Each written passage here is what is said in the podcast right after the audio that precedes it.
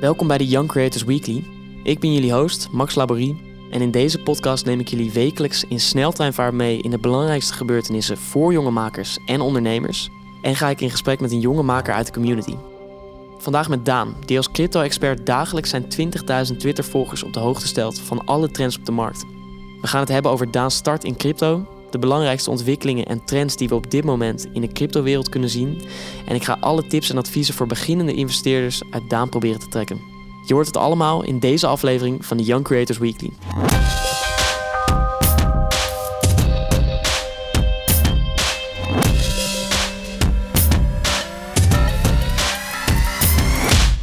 Daan, leuk dat je er bent. Hi, ik vind het ook leuk dat ik er ben. Hey, ehm, er staat een hele hoop op het programma. Hè? Ik heb het net allemaal genoemd. Maar om te beginnen, de, de oplettende luisteraar... die heeft vast gehoord dat ik je alleen bij je voornaam heb genoemd. Hè? Geen achternaam. Ja, dat klopt. Hoezo mogen we jouw achternaam niet noemen? Nou ja, dat is toch omdat uh, als uh, beetje veel, met veel volgers binnen die hele cryptowereld, op Twitter in dit geval, uh, ben je toch snel een soort target voor eventuele hacks of wat dan ook. Dan loop ik hier zelf niet te showen met van hey, ik heb zoveel verdiend en wat dan ook, zoals veel mensen wel doen. Maar je hoort toch vaak mensen die wel helemaal openbaar zijn, met naam eruit en wat dan ook, dat die toch snel problemen ondervinden met een uh, veiligheid of hacks of wat dan ook.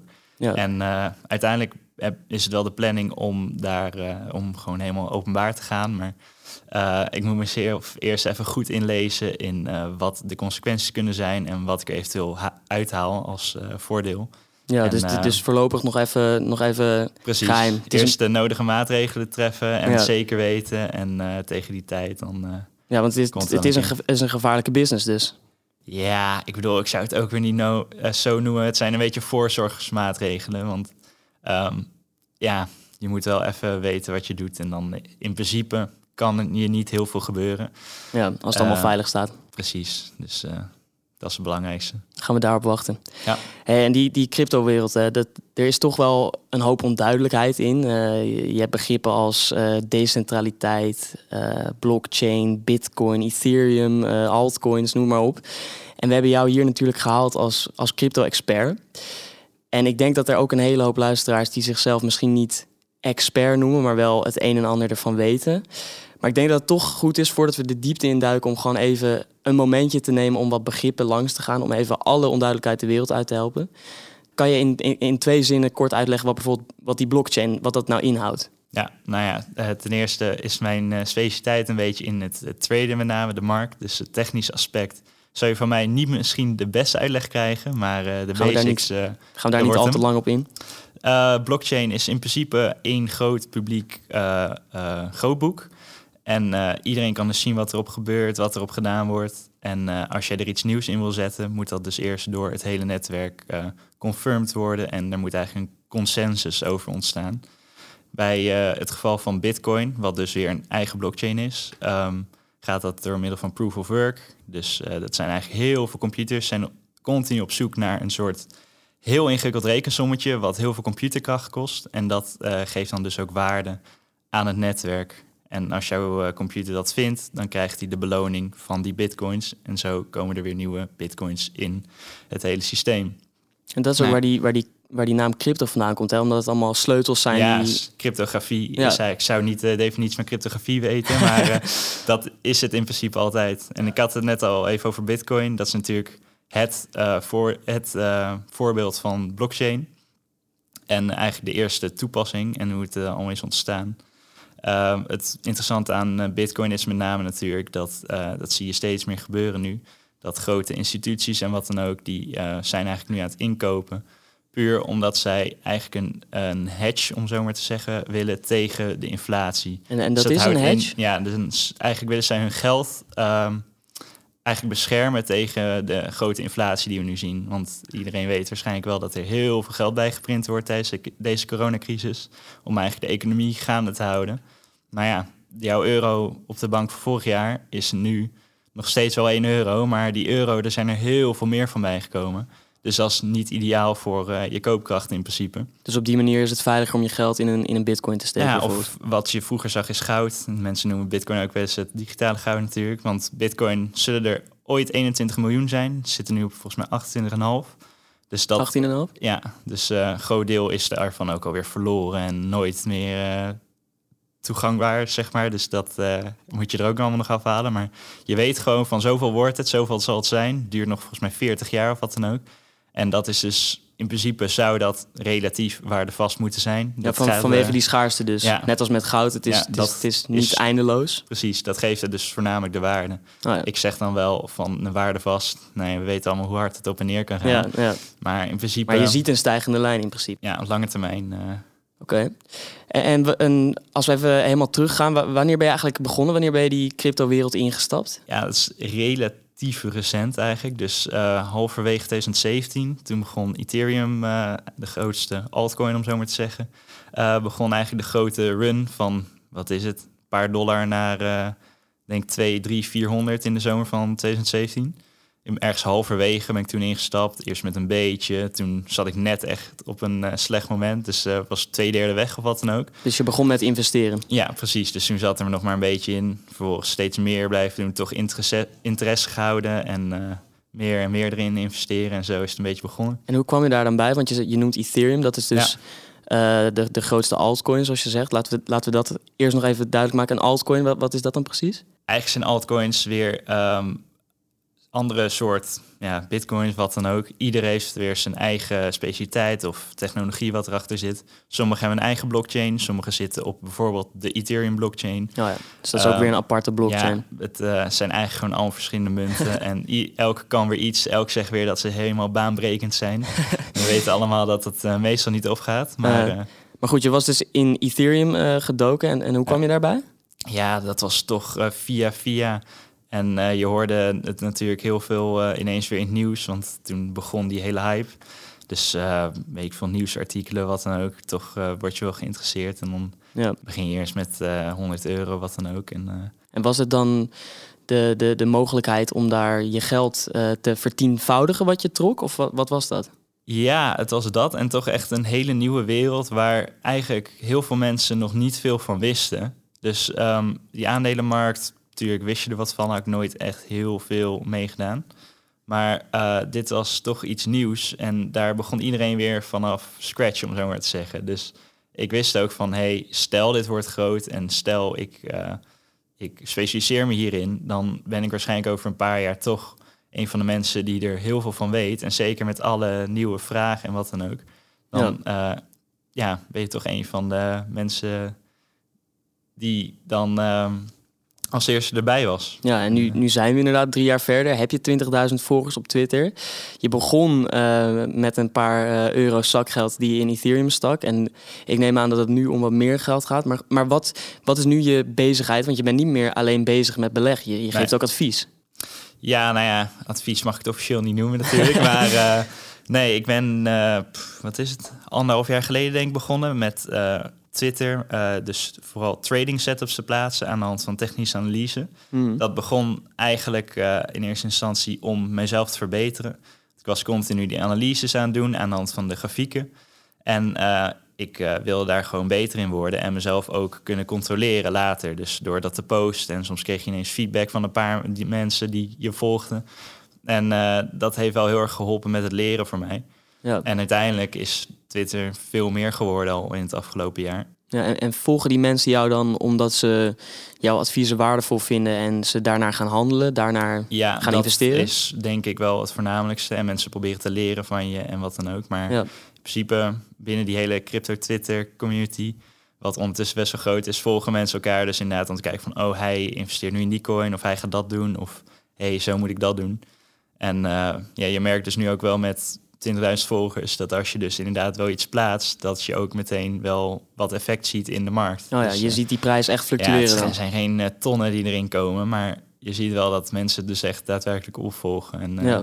dat is wel heel interessant natuurlijk. Ja, en hoe doe je dat eigenlijk, die analyses maken? Want ik denk dat dat voor veel mensen echt een, een, een, een wereld is die compleet onbekend is. Ja, Voor ja. mij ook. Ik zou niet weten, ik zie, ik zie van die grafieken, ik zie lijntjes. Ik denk, nou ja, ik kan hier geen informatie uittrekken, maar jij dus blijkbaar wel. Ja, hoe, nee, hoe doe je dat? ehm, het is natuurlijk heel eh, subjectief, want eh, ja, de een zegt van nou, het slaat nergens op, de ander zegt ja, het werkt wel. Ehm, ik hou het er altijd maar op dat Uh, omdat heel veel mensen naar dezelfde grafieken kijken, naar dezelfde lijnen die ze daarop tekenen, dat daardoor een soort self-fulfilling prophecy wordt. Dus als maar genoeg mensen denken van hé, hey, als die prijs daar komt, dan gaat hij weer omhoog, dan zal het ook wel gebeuren. Ik denk dat dat de beste verklaring is, maar wat het precies is, dat weet niemand. Maar, maar als jij zo'n lijntje trekt, wat, wat gaat er dan in je hoofd om? Ik bedoel, waaruit uh, concludeer jij dat dat lijntje zo moet staan? Zeg ja, maar? precies. Nou ja, dat is dus eigenlijk een soort van uh, de, die patronen die al jaren gaan die op in alle markten. En ja, mensen hebben dat op een gegeven moment bedacht van hey, zo zien die patronen eruit. Als dit patroon er staat, is de kans groot dat dit gebeurt. En dat ben je eigenlijk continu aan het doen. Dus um, aan de hand van die grafieken teken je bijvoorbeeld een lijn waar je denkt van hé, hey, uh, daar is die prijs toen vanaf gegaan. Dat zal nu wel weer gebeuren. Oh ja. En op die manier uh, weeg je dat dus af en ben je continu eigenlijk uh, aan het kans berekenen van hé, hey, stel ik stap hierin, is de kans dan groter dat hij omhoog gaat of naar beneden? Nou ja, als je de, in simpel gezegd, als hij dan Mm. omhoog gaat, denk je, dan doe je dat. En op de lange termijn, eigenlijk net met poker, uh, dan gaat hij, uh, ma- zou je daar dus winst op moeten maken als Ja. je analyse goed is. Het is dus net als poker eh, meer een spelletje dan, dan gokken.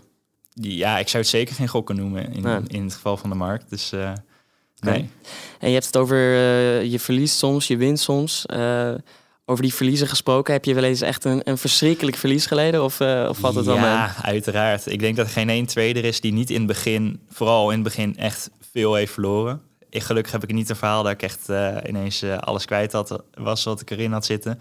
Maar wel eens gewoon een kwart of zo, wat dan al relatief veel is. Hmm. Dat je gewoon ja, domme fouten maakt, wat dan ook. Ja, het hoort er helaas allemaal bij. En dan uh, ga je ook daarna realiseren van... hé, hey, dit wil ik niet, zo moet het niet. En dat helpt dan ook mee toch aan die learning curve. Je leert er wel van. Ja, zeker. Oké. Okay. Je, bent dus, je, bent, je bent dus continu die, die trends aan het analyseren. Ben je dan ook constant die dingen uh, dag per dag aan het verkopen? Of ben je op de lange termijn? Uh, hoe, hoe zit dat? Um, ik heb zelf bijvoorbeeld uh, eigenlijk de grotere coins zoals Bitcoin en Ethereum. Die heb ik vertrouwen in dat die het sowieso goed doen op lange termijn. Dus eigenlijk hou ik die met name vast en daar kom ik niet veel aan. En dan handel ik zelf vooral veel in die altcoins die natuurlijk super volatiel zijn. Dus de ene dag gaan 20% omhoog, dan weer naar beneden. En dat zijn meestal toch korte termijn trades van 1, 2, misschien drie dagen of zo.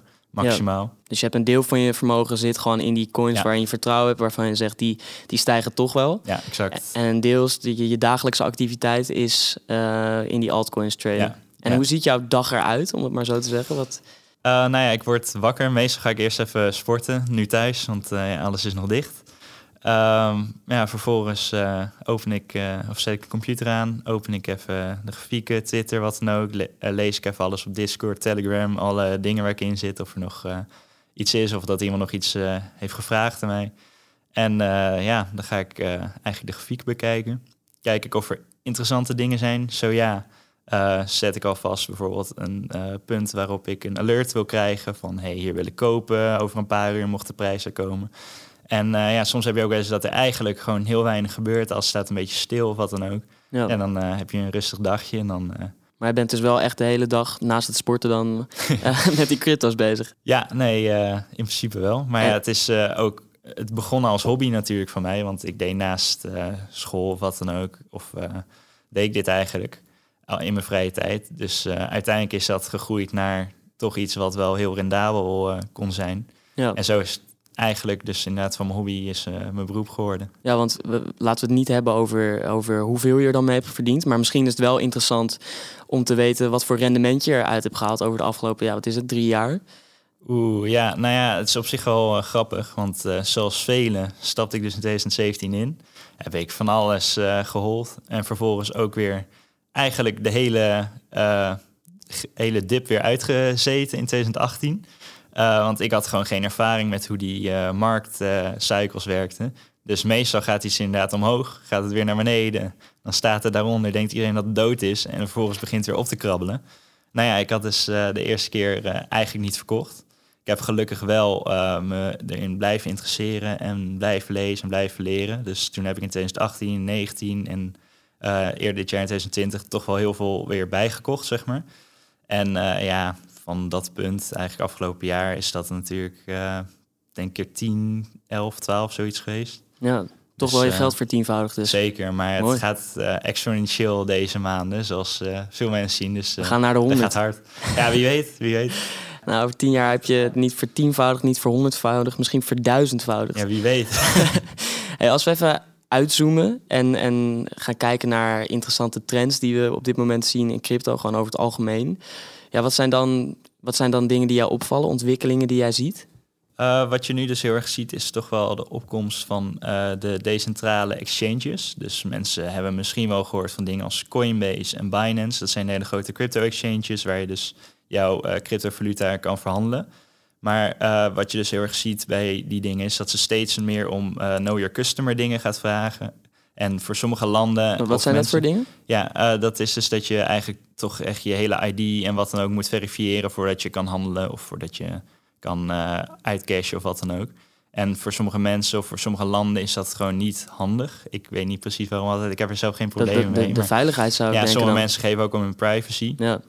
En daarom zie je nu echt de opkomst van dus die decentrale exchanges. Daar, het is niets meer dan eh, verbinden met jouw eh, wallet, dus waar jij jouw eh, Ethereum in hebt bijvoorbeeld. En vervolgens kan je klikken eh, swap eh, van ik wil dit voor dat. En dan is het klaar. Meer hoef je niet. Er komt niemand aan te pas. En eh, Oh ja, want bij, bij zo'n Coinbase zijn er nog eh, mensen die daar naar kijken. Eh, of, of is dat ja, hem voor nou ja, moet in zien? principe moet je dus wel jouw account helemaal verifiëren. Ja. En je naam eraan koppelen en wat dan En, ook. en, en is Binance dan bijvoorbeeld een voorbeeld van zo'n decentralized? Nee, eh, dat is ook, een niet. eh, centralized exchange. Maar dat zijn nog wel echt de grootste. En die hebben natuurlijk ook het beste aanbod. En eh, wel toch een customer service en wat dan ook. Dus dat zijn weer de voordelen ervan. Ja, maar deze Maar, dingen eh, komen nu toch wel weer op. Ja, en dan had je een tijdje terug eh, toch weer dat eh, inderdaad in Amerika vooral de SEC. Dus eh, volgens mij is dat een beetje de autoriteit van de markt daar. Die eh, komt dan weer achter zo'n exchange aan. Vervolgens kunnen mensen hun geld er weer niet uithalen voor een tijd. En al dat soort eh, gezeik, dat zie je toch steeds meer. Omdat eigenlijk de eh, overheid toch steeds meer het wil gaan controleren. Heeft natuurlijk ook zijn voordelen, want dan wordt het een veiligere wereld en toegankelijker voor veel mensen. Kan Maar, jij eh, straks je achternaam zeggen op podcasts? eh, Als het allemaal veiliger wordt. ja, nou ja, in principe wel. Maar goed, die decentralized exchanges, die eh, voorkomen dus dit hele ge, ge- geneuzel met dat de overheid erbij betrokken wordt en zo. Ja, nou ja, voor veel mensen die vinden het toch fijn, omdat ze heel, hun privacy heel belangrijk vinden. En eh, ja. Een, een andere ontwikkeling die ik, die ik zelf natuurlijk heb gezien, ehm, en dat is misschien meer een algemene trend, is natuurlijk de enorme dip en langdurige dip die we hebben gezien eh, Ja. tussen, ja, wat was het, begin 2018 en eh, midden 2020 ongeveer, laten we zeggen. ja, eigenlijk wel. Ja, hoe, hoe kan je zo'n crash verklaren eh, als, als iemand die bovenop de markt zit? Ja, in principe ehm, zijn er natuurlijk, als je op korte termijn kijkt, allemaal wat dingen dat er gebeurt. En dan zeggen mensen weer van, oh ja, daardoor komt het. Maar uiteindelijk bewegen die markten, aandelenmarkt net zo, altijd in eh, eigenlijk best wel vaste cycles. Dus eh, het begint op te komen, vervolgens krijg je een enorme piek omhoog. Dat is eigenlijk wanneer je het overal het nieuws ziet, je hoort iedereen erover. Ja, dat, dat herinner ik me nog van eh, 2017, eind 2017 ja, klopt. inderdaad. Overal NOS, weet ik Ja. veel. Overal las je over bitcoin, ethereum, altcoins. Ja, je kan niet de straat op of de supermarkt in zonder de, de woorden crypto of bit- bitcoin te horen. Nou, het dat het, is in het corona principe- van 2017. Ja, exact. dus dat is in principe dan een eh, groot eh, eh, re- red flag eigenlijk. Ehm, want meestal is de top voor die, eh, dat moment dan toch wel in zicht. Want eh, mensen denken, ja, het kan niet meer eh, omlaag, het gaat altijd omhoog. Want dan stijgt het eigenlijk te hard, zonder Ja. dat er echt een reden is dat het zo Dat is stijgt puur inderdaad FOMO Speculatie. of wat dan ook. En eigenlijk nergens meer op gebaseerd. Maar dat zie je in aandelenmarkten net zo. Op iets grotere schaal natuurlijk. En vervolgens op een gegeven moment gaat het omlaag. Mensen denken van, oh nee, het is een dipje. Blijft het zakken, blijft het zakken. Dan gaan mensen op een gegeven moment van eh, die euforie over naar paniek. Eigenlijk wordt dan alles weer verkocht. Mensen hoeven er niks meer van te weten. Denken van, oh, het is klaar, dit was het dan, weet je wel. En eh, nou ja, meestal duurt die periode 1, 2 jaar toch wel. En dan zie je prijzen toch langzaam een bodem vinden. Meestal gaan dan toch de grotere spelers of wat voor bedrijven dat ook zijn, of eh whales, om zo maar te noemen in die crypto-wereld, mensen met heel veel geld, Ja. die kopen dan toch in op die bodem langzaamaan. En op een gegeven moment zie je elke keer weer toch die stijging. En dan ineens is het weer alsof er niks gebeurd is. Weer Begint het hele ding van vooraf aan. Ja. En dan denk je van, nou ja, mensen zeggen elke keer van, no, this time it's different. Maar het is elke keer hetzelfde. Ze leren er niet van. Maar dat is eigenlijk wat jij zegt. Het is eigenlijk helemaal niet zo gek dat we zo'n langdurige dip hebben Ja, gezien. Dat, ik dat, kan je nu al vertellen dat het weer gaat gebeuren. Ja. Ik verwacht voor nu dat de top eh, voor dit jaar is, eh, voor deze cycle is nog niet, eh, niet behaald. Nu Nog niet. 42.000 of zo voor bitcoin. gok, dat gok ik gok dat we nog wel hoger gaan. Euro of dollar zitten we nu? Dollar. Oh, ja, ik eh, leef volledig in de dollarwereld. maar eh, dan zou je weer zien, het gaat weer recht omhoog. Iedereen heeft het erover. Iedereen stapt in. Vervolgens klapt het weer in en dan heb je weer het hele ding van vooraf aan. Ja, dus misschien beter even wachten dan. Tot we weer op een nieuwe bodem zitten. Ja, kijk, de, de eh, returns die je nu gaat krijgen zullen niet meer zo goed zijn als dat je het vorig jaar hebt gekocht natuurlijk. Eh, ik denk nog wel dat eh dus echt nog wel hoger gaan. Maar dat is puur eh, ook maar een idee natuurlijk. Je moet Ja. altijd een beetje voorbereid zijn voor alle scenario's. Ja. Hey, nog iets wat ik, wat ik heb gezien en wat ongetwijfeld meer mensen hebben meegemaakt, is het gedoe rondom Dogecoin en Ja. GameStop. Ja. Ja, kan jij heel kort uitleggen wat daar is gebeurd en, en wat, wat, ja, wat, wat kan je daarvan leren? Kan je, wat, wat voor lessen kun je uit zo'n pump en dump eh, trekken? Ja, nee, eh, ik denk niet zoveel. Maar eh, het begon natuurlijk al met GameStop. Want er was volgens mij één Reddit-investor op Wall Street Bets, hele grote Reddit-pagina ondertussen. die zag dat GameStop eigenlijk heel laag stond. En die is toen call-opties gaan kopen. Dus die, dat is eigenlijk een soort contract dat je zegt van... hey, ehm, ik heb op die datum het recht om dit aandeel te kopen voor deze prijs. Nou ja, als dat eh, bijvoorbeeld dan eh, vervolgens omhoog gaat, dan maak je daar heel veel winst op. En hij was erachter gekomen dat alle de hedge funds, dus dat zijn eh, allemaal grote instituties met heel veel geld, dat die eigenlijk short waren voor meer aandelen op GameStop dan er bestonden. Dus daar klopt eigenlijk helemaal niks van natuurlijk. Mm. En die heeft dat toen eh, heeft dat eigenlijk een beetje groot gemaakt op Reddit. En toen eh, hebben, heeft die hele Reddit-pagina met z'n allen hebben ze besloten om eh, dus massaal dat aandeel in te kopen. Zodat de mensen die dus short waren, dus die gokten op dat het omlaag gingen, dat die vervolgens hun aandelen op een gegeven moment op een hogere prijs terug moesten kopen. En ja, dan zag je wat er dus gebeurde. Ik denk dat het keer 30, keer 40 is gegaan in een jaartje.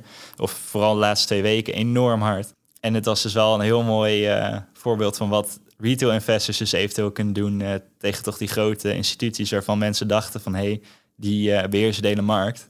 Dus Je kan daar gewoon tegen ingaan dus. als je met genoeg mensen bent, zeker. Maar ja, wat wel is, jij noemt het al pump en dump, dat is het in principe ook letterlijk. Ja, Er zijn, ik kan je nu al vertellen dat waarschijnlijk 90% van die mensen gewoon hun geld hebben verloren, want die stappen te hoog in of wat dan ook. En, Ja. Want, want we zagen hetzelfde bij Dogecoin gebeuren. Ja. En ik, ik wilde vragen, dat, dat zie je natuurlijk wel vaker in, in de cryptowereld, eh dit soort gevallen. Moet je dan juist die golf eh, toch proberen mee te pakken? Of kan je maar beter zeggen, hier hou ik afstand van, eh adieu? Nou ja, stel jij staat helemaal aan het begin van zo'n beweging en je denkt te weten dat het gaat komen, is natuurlijk wel slim als je op tijd erin stapt. Maar No als risky iets op een business. gegeven moment al recht omhoog gaat met een paar honderd procent en je wil dan nog instappen, ja, dan is jouw eh risk-reward is dan eh, Ja, niet echt voordelig. Want de Nee. kans dat je dan eh, heel veel verliest is vele malen groter dan dat je nog net weer wat meepakt. ja, Dan wordt het wel echt gokken, Ja. eigenlijk. ja. Beter niet dus. Nee, ik zou het afraden. Oké, we hebben het gehad over, over je bezigheden in de cryptowereld. We hebben het gehad over wat, wat trends en ontwikkelingen. Maar ik ben eigenlijk ook wel benieuwd naar die concrete tips. Want ehm, nou, ik, ik, ik heb bijvoorbeeld vier jaar gestudeerd. Ik heb eh, maximaal geleend al die tijd. Natuurlijk geen cent uitgegeven. En dat geld ligt maar een beetje stof te verzamelen op mijn bank. Eh, Ja. De rente is eh, tegenwoordig negatief, geloof ik. Dus daar heb ik niet zoveel aan. Stel nou dat ik tegen jou zou zeggen van... misschien wil ik wel wat met cryptocurrencies gaan doen. Misschien wil ik daar wel in investeren.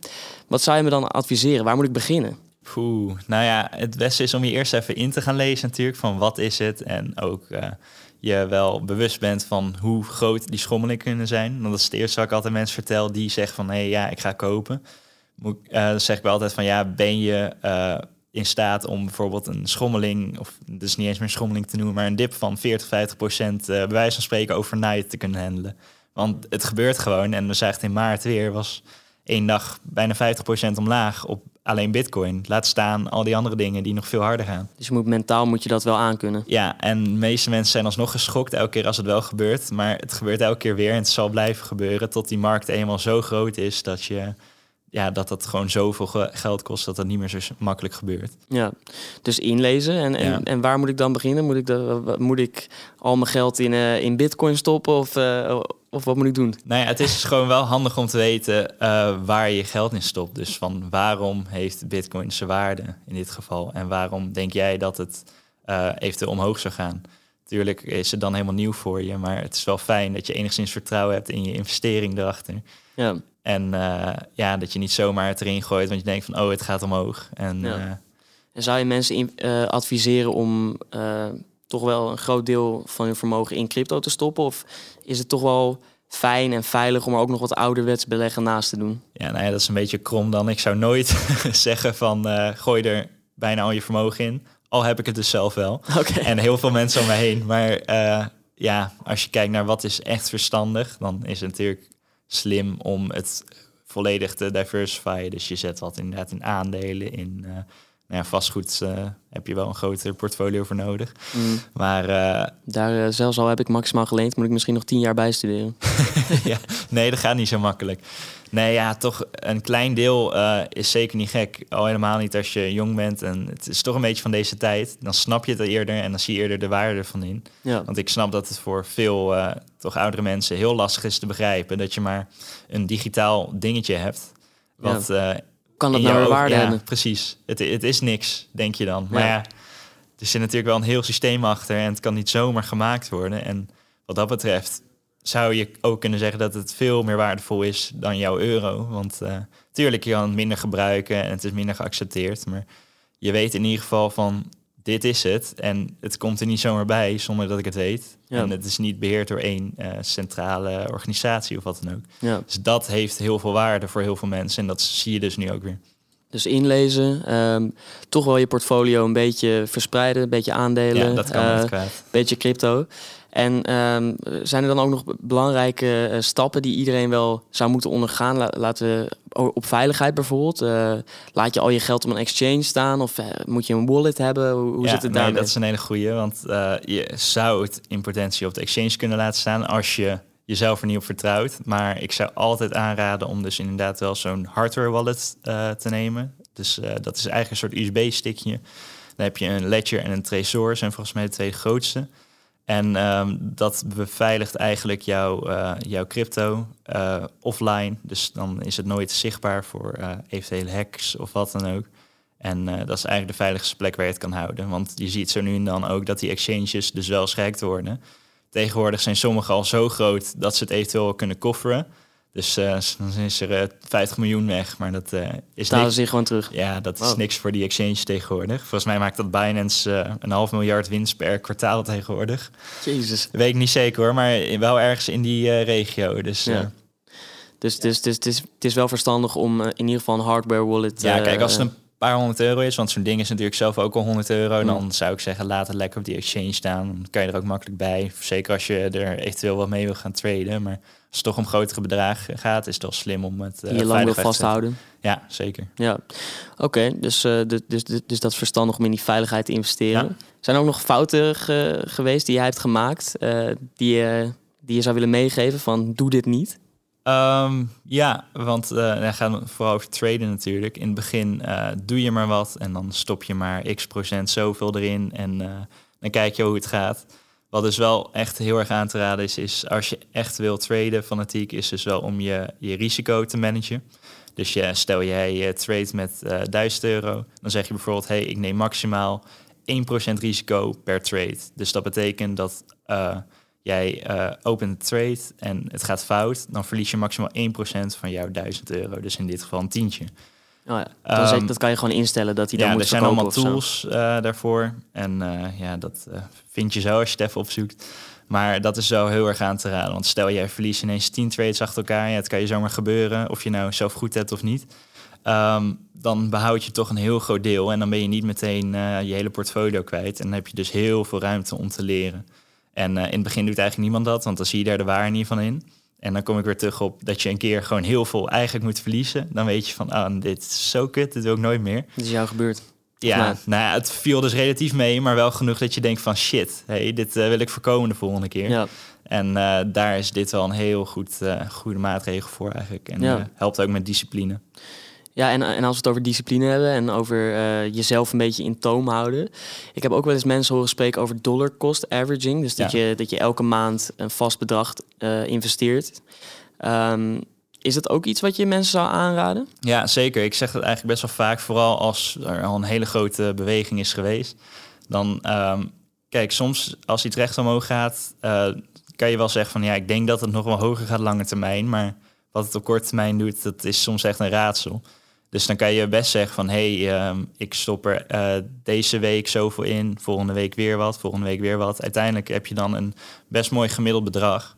En eh, dan, tuurlijk, je zal nooit de top of de boom kopen, maar dat doe je eigenlijk nooit. Nou, want op die manier eh omzeil je natuurlijk ook wel een beetje de, de Ja. volatiliteit van de markt. Ja, ja want eh, je zou maar net op zo'n piek kopen en dan gaat hij vervolgens 40% omlaag. Nou dan had je gewild dat je niet meteen alles had gedaan. Dat kan je zelf Ja. te zeggen voor de andere kant. Ja. Over het algemeen is het gewoon wel een veiligere aanpak. Ja, want, want dat heeft er dan mee te maken, die, die lijn die blijft wel stijgen voorzichtig. Dus als je maar blijft investeren eh, In elke principe, maand. als jij denkt dat het inderdaad blijft stijgen, want dat is natuurlijk ook, de mening. Ja. Maar als jij daar zelf vertrouwen in hebt, dan is het bijvoorbeeld best slim om het op die manier te doen. Ja.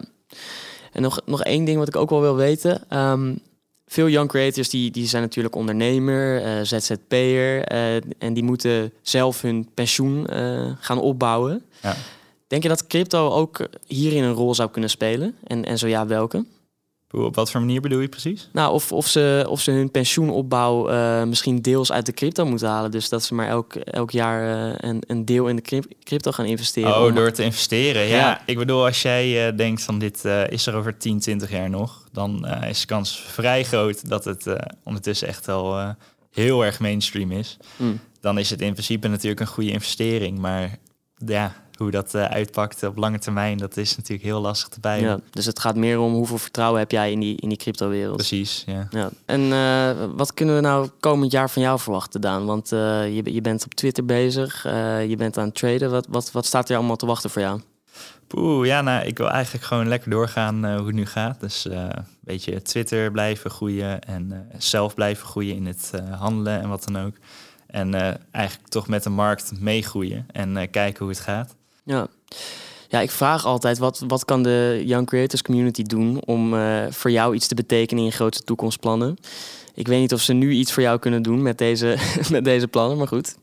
Alsnog vraag ik jou, wat kan, wat kan de Young Creators Community voor jou doen? Ja, ik eh, ben eigenlijk bang niet heel veel. Tenzij je denkt van, hé, hey, ik eh, heb nog een paar miljard liggen, dus ik gooi het even in bitcoin. Dat, dan profiteer ik natuurlijk lekker mee van die stijging.